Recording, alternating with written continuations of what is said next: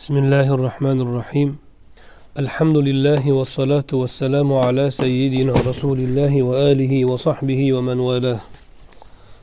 الله سبحانه وتعالى بو كان كتاب مزدان بزغا منفعة برسن إمام النووين ذكر قلقان إلم لردن منفعة لانترسن رسول أكرم عليه الصلاة والسلام إلم لردن بزغا يقترسن وكان سفر qur'oni karim berilgan va kechasiyu kunduzi unga amal qilib doimo uni tadbiq qilib u bilan hukm qilib uni ta'lim bergan kishiga hamda mol dunyo topib mol dunyosini borini haq yo'lida ya'ni oxirat yo'lida sarflashga muvaffaq bo'lgan kishigagina havas qilsa arziydigan ekanini o'sha kishi inson kuyunib o'sha odamga o'xshashga shu odamni havas qilishga arziydigan kishi bo'lishini aytib o'tildi hadis sharifda batafsil aytildi inshaalloh abdulloh ibn masud roziyallohu anhudan rivoyat qilingan hadis hozir o'rganadigan hadisimiz وعن عبد الله بن مسعود رضي الله عنه قال قال رسول الله صلى الله عليه وسلم من قرأ حرفا من كتاب الله تعالى فله حسنة والحسنة بعشر أمثالها. لا أقول ألف لام ميم حرف بل ولكن يعني ولكن ألف حرف ولام حرف وميم حرف. رواه أبو عيسى محمد بن عيسى الترمذي رحمه الله وقال حديث حسن صحيح abdulloh ibn masud roziyallohu anhudan rivoyat qilingan hadisi sharifda rasuli akram alayhissalotu vassalom aytdilarki kimki qur'ondan ya'ni kimki allohning kitobidan dedilar kimki allohning kitobidan bitta harf o'qisa unga bitta hasana bitta yaxshilik bordir. Ya'ni bitta yaxshilik qilgan amal qilganning ajri bordir. Va hasana yaxshilik bo'lsa o'n barobar qilib beriladi. Men alif lam mim bitta harf demayman. Balki alif bir harf lam bir harf lom ya'ni mim bir harf dedilar. Imomi termiziy rivoyat qilganlar. Va hasan sahih E, hadis deb baholaganlar. Bu hadis sharif mashhur ko'p marta eshitganmiz. Bu yerda rasuli akram alayhissalotu vassalom bu hadis sharifda alloh subhanahu va taoloning marhamatini uning ulug'ligini va bizga bergan ne'matlari ko'pligini ifoda qilganlar. Allohning kitobidan bitta harf o'qisa dedilar. Qaysi kitob? Albatta iroda qilingani qur'on bo'ladi. Tavrat ham kitobulloh injil ham allohni kitobi. Lekin bu yerda iroda qilingan ko'zda tutilgan ma'no qur'oni karim faqat. Chunki oldingi kitoblarni bu kitob nasx qilgan bekor qilgan. Shuning uchun allohni kitobi deganda bu yerda biz faqat qur'oni karimni tushunamiz. Bismillahi rohmanir rohim alhamdulillahi robbil alamin deb boshlangan. Minal jinnati va nas deb tugagan allohning kalomi o'sha qo'limizdagi muqovada turgan qur'oni karimni tushunamiz. Allohni kalomidan allohning kitobidan dedilar. Bitta harf o'qisa. Ho'p odatda biz o'qish deganda bir matnni ko'rib til bilan aytishni yoki ko'rib aql bilan o'qishni tushunamiz. Bu yerda qaysi nazarda tutilgan? Masalan qur'oni karimga mundoq qarab ko'zingizda o'qib o'tirsangiz bo'ladimi? O'shandan bitta harf o'qiganni. Chunki masalan man kitob o'qidim desangiz siz kitobni ahmad bozorga borib keldi deb gapirib o'qimaysiz kitob o'qidim deganingizda yoki axborotda bir xabar o'qidim deganingizda talaffuz qilmaysiz. Talaffuz qilishingiz ham mumkin qilmasligingiz ham mumkin. Odatda qilmaysiz. Odatda ko'zingiz bilan harflarni idrok qilasiz. Undan ma'noni anglaysiz. Bu yerdagi kimki bir harf o'qisa deganlaridagi o'qish qanaqa o'qish? Ko'z bilan o'qish ham keladimi? Yoki iroda qilingan ma'no talaffuzmi? Bu yerda ko'rinishda mutlaq aytilgan. Ya'ni uni ham buni ham o'z ichiga olish kerak. Ammo ulamolar bu hadis sharifni tushunganlarida talaffuzni tushunganlar. Allohning kitobidan bitta harf deganda qarab o'qish ham kiradi yoddan o'qish ham kiradi. Chunki qur'oni karimni asosan namozda biz doim yoddan o'qiymiz. To'g'rimi? Va ashobi ikromlar doim yoddan o'qishgan. Xat deyarli bir ishlatilgan emas boshida bir qarab olishgan undan keyin saqlab qo'yishgan xolos asosan yoddan o'qishgan qur'oni karimni. Namozda doim yoddan o'qiladi. Demak bu ajr namozda o'qilishga ham beriladiyu. Binobarin bu yerda talaffuz iroda qilinyapti. Qarab o'qish emas. Qarab o'qishsiz ham shu yoddan o'qishsiz ham shu. Ammo nazar bilan nigoh bilan ko'z yugurtirish o'qishga kirmaydi. Demak hadis sharifda man qoraa harfan kim bir harf o'qisa degani kim bir harfni talaffuz qilsa degani chiqadi. Qur'oni karim o'zi iqro so'zi bilan nozil bo'lgan o'qi degan so'z bilan. Birinchi oyati o'qi o'qi bilan boshlangan. Demak o'qish kitobidir. Ya'ni ilm kitobidir. Demak talaffuz qilsa ekan tushunganimiz. Endi ikkinchi so'z savol. Harfan bitta harf dedilar. Bizda e, harf deb yuritamiz arab tilida. Harf deganimizda yozmani ham og'zakini ham tushunamiz. Ammo o'zimizda o'zbek tilida bo'lsa harf deganda nutqni tushunmaymiz. Nutqdagi harfni tovush deymiz biz. Masalan birov a b v g d desa harf aytyapti deyilmaydi. Tovushlar a harf a tovushi b tovushi deyiladi. Yozma nutqdagi ma'noni ifodalovchi so'zlarni tovushlardan iborat deb bilamiz. A b v gdlardan og'zaki nutqda tovushlar. Yozma nutqda harf deymiz. Masalan bismillahni yozib qo'ysa yozilganini harf deymiz talaffuzni biz tovush deymiz. Tovush bilan harf o'zbek tilida farq qiladi. O'zbek tilida adabiyotda ona tilida o'qitadi buni. E, ammo arab tilida bitta. Yozmani ham harf deyiladi nutqni ham harf deyiladi. O'zi harf degani bir narsani chetini aytadi arab tilida asli. Bir narsani chetini harf deydi. Shuningdek odatda bir narsani cheti ikkinchi chetidan farq qiladiyu. O'shaning uchun turlanish tusni ham harf deyiladi. Yetti harf desa yetti xil degani bo'ladi. Harflar bir biridan tuslanib ajragani uchun harf deb nomlangan. Va hammasini qirg'og'i bo'lgani uchun harf deb nomlangan. E, shuningdek e, tilning ham qirg'og'idan hosil bo'ladi aksari. Endi bu yerda harf deganda demak qur'oni karimda kimki bitta harf o'qisa deganda talaffuz nazarda tutilyapti ekan ha? Talaffuz qilsa kimki bitta harfni talaffuz qilsa degan ekan. Endi savol tug'iladi. Ho'p talaffuz qilsa degan bo'lsa unda og'izdan chiqqan nutqdagi harflarni adadi bo'ladimi bu savobda? Har bittasi hasana bo'lganda? Yoki yozuvdagimi? Masalan bismillahi rohmanir rohim xatini qarasangiz bismillah deganda o'rtada alif o'qimaymiz to'g'rimi bismillah. Lamni o'qiymiz to'g'ridan to'g'ri alif tushib qoladi bismillahir rohman hir deganimizda ham alif tushib qoladi o'rtada. Ar rohimda ham alif tushib qoladi ko'rinishda o'n to'qqizta harf xatda o'n to'qqizta harf. Talaffuzda o'n oltita tovush to'g'rimi ar rohman ar rohim deganda lamni roga aylantirib aytamiz idg'om qilib ikkitara aytamiz. O'sha ikkitara ikkitara bo'lgan taqdirda ham o'n oltita tovush bo'ladi. Aliflar tushib qoladi. Savol tug'iladiki men bismillahi rohmanir rohim desam o'n to'qqizta harf o'qigan bo'lamanu bir yuz to'qsonta hasana olamanmi eng kamida?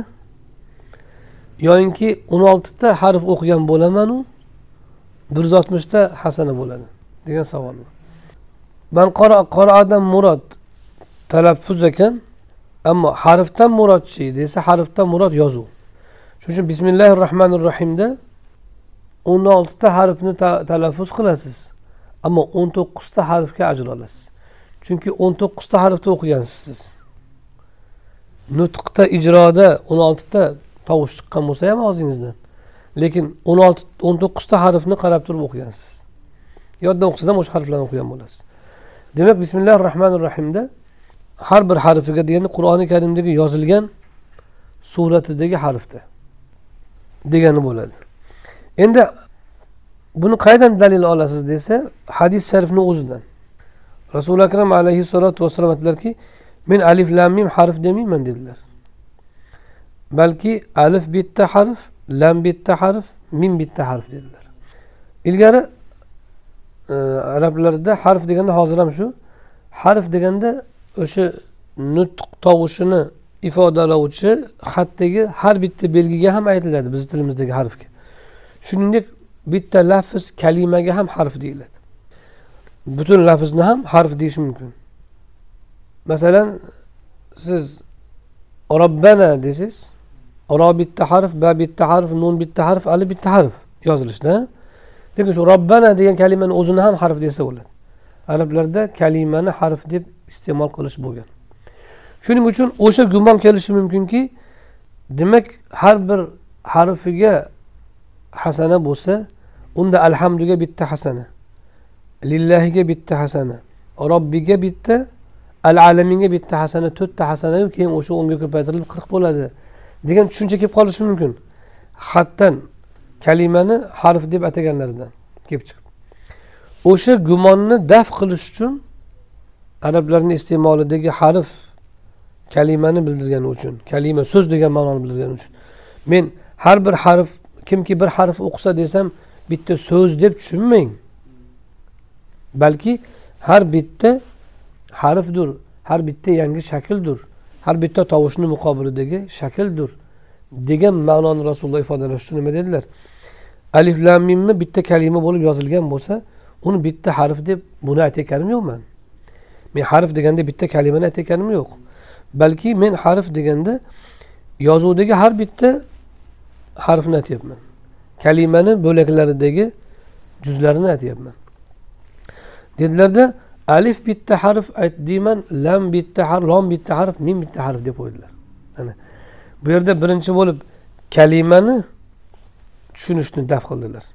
Kalimani tushunmang balki harfni tushuninglar harf ikkalasiga ham qo'llaganim uchun endi ikkinchi savolga ham javob berdilarki ho'p nutqdagimi yozuvdagimi harf deganiga yozuvdagi degan javobni berdilar. Chunki biz alif lamimni qarasak uchta harf to'g'rimi? Yozil yozuvda. Lekin nutq qilsakchi a li f uchta harfni nutq qilamiz. Alif deganda. Lam deganda ham lam alif mim uchta harfni nutq qilamiz. Mim deganda ham mim ya mim. Uchta harfni nutq qilamiz. Alif bitta harf degani yozuvda bitta harfmi? Nutqda uchta uchta tovush chiqyapti bizdan. A l f. Agar harakatlarni hisobga olmasak hamza lam mim harfi uchta tovush chiqyapti og'zimizdan. Harakatlarni hisoblasak oltita tovush chiqyapti. A a l i va f. Beshta tovush chiqyapti ekan og'zimizdan. Agar og'izda nutqni e, asnosida harfni paydo bo'lishini hisobga olsak yani ikkita nutq a'zosini urilishidan bitta tovush paydo bo'lsa yoki nutq a'zolarini harakatidan unliklar paydo bo'lsa harakati va urilishlarini hisobga olsangiz beshta tovush nutq qilyapmiz. Alif deganda. Ammo yozuvda bitta harf turibdi. Rasululloh shu bitta harf men aytayotganim shu deyaptilar. Ya'ni yozuv. Beshta tovush og'izdan chiqib ketyapti. Lekin alif deganda bitta harfni o'qiyapmiz. Bismillahi rohmanir rohim degani aksi unda aliflar o'qilmayotgandi lekin yozuvda bor. U yerda nutqimizdan bo'lmasa ham yozuvdagi xatni e'tiboridan o'n to'qqizta hasana olyapmiz uchta ko'p olyapmiz. Ammo bu muqattoat harflarida ko'proq tovushni nutq qilsak ham yozuvda bitta harf bo'lgani uchun bitta hasana olamiz. Shu hadis sharifni o'zidan haligi savolga javob chiqadiki demak iroda qilingan ko'zda tutilgan ma'no yozuvdagi harf. Og'izdan portlab chiqqan nutq tovushlarini adadi emas. Alif lam mim dedilar uchta harf bo'ladi dedilar. Demak bu yerda ikkita savolga javob berdilar. Harf so'zi kalimaga ham ishlaydi bu yerda kalima emas balki haqiqiy harf. Ikkinchidan nutqdagi emas yozuvdagi harflarni adadi hisobga o'tadi shunda dedilar hasana beriladi. Hasana nima? Falahu hasanatun. Unga bitta hasana bordir dedilar. Hasana degani yaxshilik go'zallik degani hasana yaxshilik go'zallik. Odatda hasana sayyiatni muqobilida turadi. Sayyiat yomonlik. Xunuk ish yomon ishni sayya deyiladi qur'oni karim. Innal hasanat yuzhibna sayyiat. Hasanalar sayyiotlarni yaxshiliklar yomonliklarni ketkazadi degan alloh taolo. Shuning uchun bir odam bir yomonlik qilsa yo bir xato qilsa gunoh qilsa orqasidan yaxshi amal qilib qo'ysa alloh taolo yuvib tashlaydi o'sha oldingi qilgan yomonligini. Demak bu yerdagi hasanadan murod yaxshilik qildi degan bir solih amalni yozilishi. Biz robbana atina fid dunya hasana olloh bizga yaxshilik bergin deganda u bizga hosil qilib beriladigan yaxshilikni so'raymiz. Ammo bu yerdagi hasanadan murod biz hosil qiladigan yaxshilik. Tushunarlimi? Bu yerdagi hasanadan murod biz bajaradigan yaxshilik yaxshi amal degan solih amal degan. Endi o'sha hasana o'nga ko'paytirib beriladi dedilar. Bu eng kami degani. Ko'payishi mumkin. Yetmish yuz yetti yuz ming barobar bo'lishi undan ko'p bo'lishi mumkin. U bandani ixlosi muhabbati yaqini iymoni va nafsining tarbiyasiga bog'liq. Nafsi tarbiyalanmagan yangi musulmon bo'lgan yoki dinni hali o'zida tadbiq qilib ulgurmagan qalbi hali ixlosni shakllantirmagan kishida har qanday odamda bo'ladigan bu o'nta hasana alloh taoloni va'dasi. Insonni amalini yomonini bitta yozaman yaxshiligini o'n barobar qilib yozaman deb boshidan belgilab qo'ygan hamma amalga. Bu eng kami va hammaga beriladigan ajr. Modomiki savob umid qilsa bo'ldi. Boshqa narsa umid qilmasa bo'ldi. Allohdan boshqa narsani istamasa bo'ldi.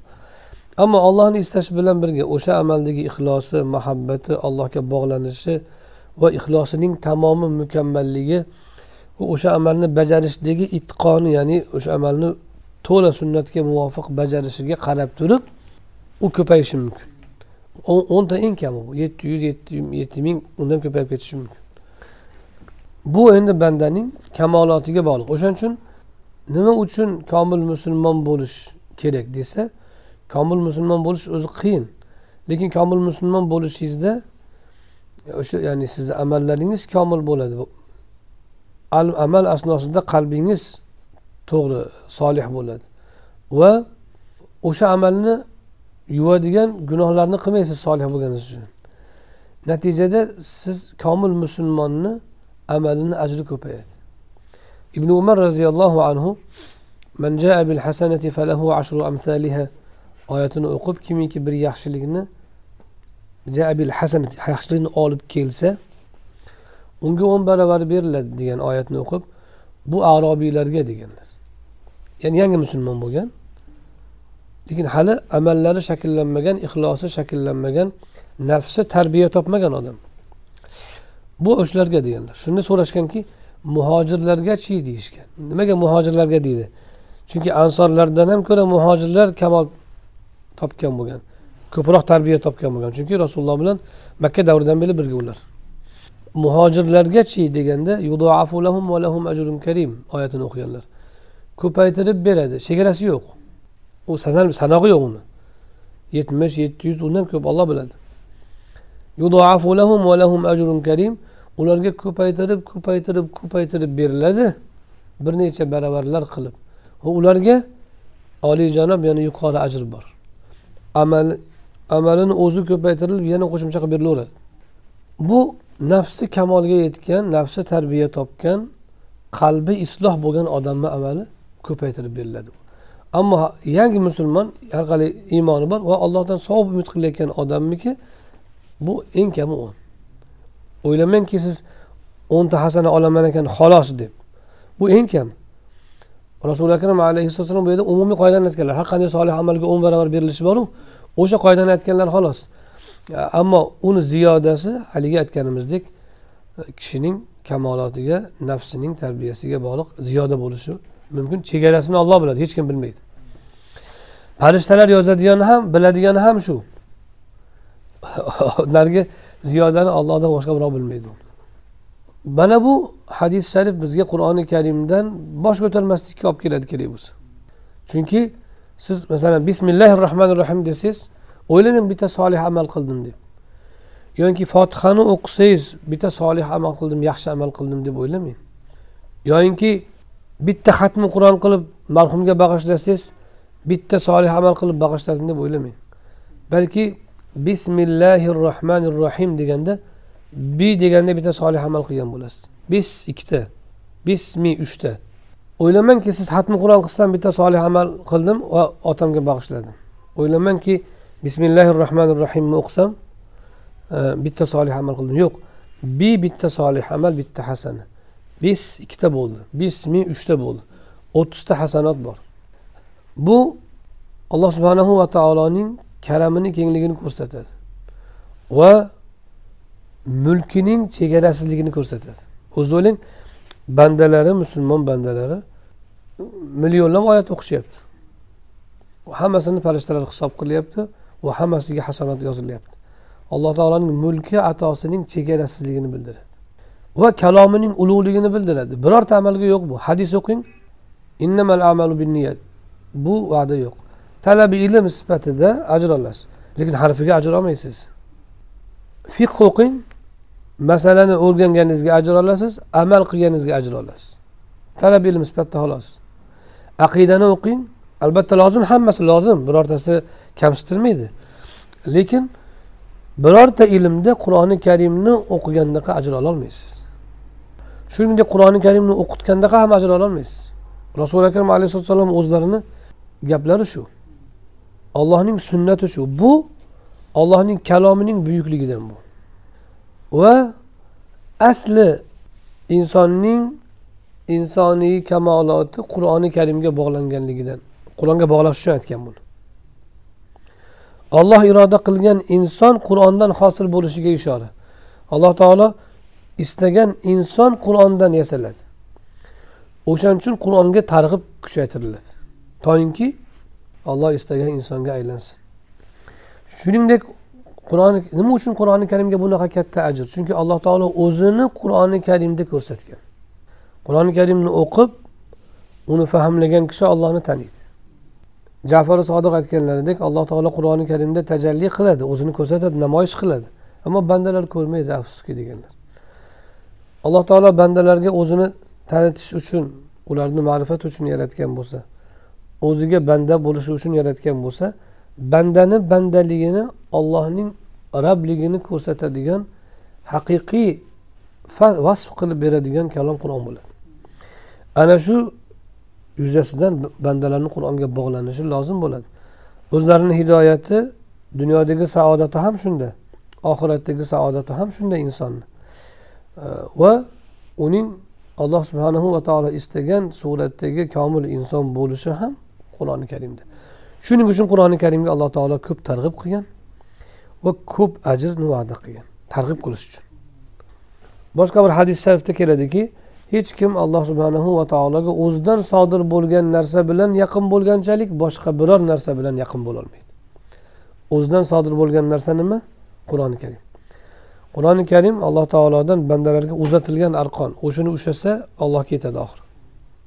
Ana shuni mahkam ushlashlari uchun unga qattiq bog'lanishlari uchun qur'oni karimga shunday va'dalar berilgan. Endi o'sha hasanotlarni o'zingiz olishingiz mumkin. Hosil qilgan savobingizni boshqa birovga hadya qilishingiz ham mumkin. Joiz. Bu misollari shariatni boshqa ahkomlarida kelgan. Biz shundan xulosa qilamizki qur'oni karimni o'qib zerikish yoki qur'oni karimni e, yodlamay qo'yavering. Asosiy falon ilmlarni o'qing deyish bu qur'oni karimni qadrini bilmaganligidan alloh subhanahu va taoloning sunnatini bilmaganidan bu. To'g'ri yodlash farz emas vojib emas. Lekin doim qur'on o'qib qur'onga bog'lanib yurish shu lozim. Yodlash farz emas yodlash mustahab. Har kim o'zini holi. Lekin yodlagan odamga katta maqom. Hamma yodlashi shart emas. Ammo qur'onga hamma bog'lanishi shart. Musulmon ummati ummati muhammadiga qur'onga bog'lanishi shart. Bu farz bu. Rasuli akram alayhissalotu vassalom e, birov kelib qanaqa payg'ambarsan sen nima olib kelding? desa kofir odam kelib qur'onni o'qib berganlar. Musulmon bo'ldim yo rasululloh manga o'rgating nima olib kelgan narsangiz desa qur'on o'qib berganlar. Musulmon bo'ldim allohga yetishmoqchiman. Nima amal qilay qur'on o'qitganlar. Dinni o'rganaman. Nima ish qilishim kerak? Qur'on yodlatganlar. Asosiy vazifalari qur'oni karimni yodlatib o'rgatib tadbiqini o'rgatish bo'lgan. Sunnat qur'onni tadbiqidan iborat xolos. Musulmon ummatini bori yo'g'i qur'on. Qur'onni olib qo'ysa hech narsasi qolmaydi. Dunyodagi hamma yaxshiligi ham qur'ondan oxiratdagi hamma yaxshiligi ham qur'ondan. Boshqa ummatlardan afzalligi ham qur'ondan. Agar qur'onini yo'qotsa hech qanaqa fazilati qolmaydi. Shuning uchun qur'ondan odamlarni sovutib hadis o'qiyotgan odamlar johil odamlar. Hadis qur'onni sharhi xolos. Asl qur'on. Hadis albatta o'qilishi kerak hadis shart. Qur'on bilan birga ammo. Qur'ondan sovutib hadis emas. Qur'onni tashlab fiqh emas. Qur'onni qo'yib qo'yib aqida emas yo'q. Asosan qur'on asos bo'lishi kerak va qur'ondan kelib chiqishi kerak hamma ilm. To'g'ri ilmlarni o'zini sohasidagi kitob bilan o'qiladi. Ammo qur'oni karimga bog'langan holatda bo'lishi kerak.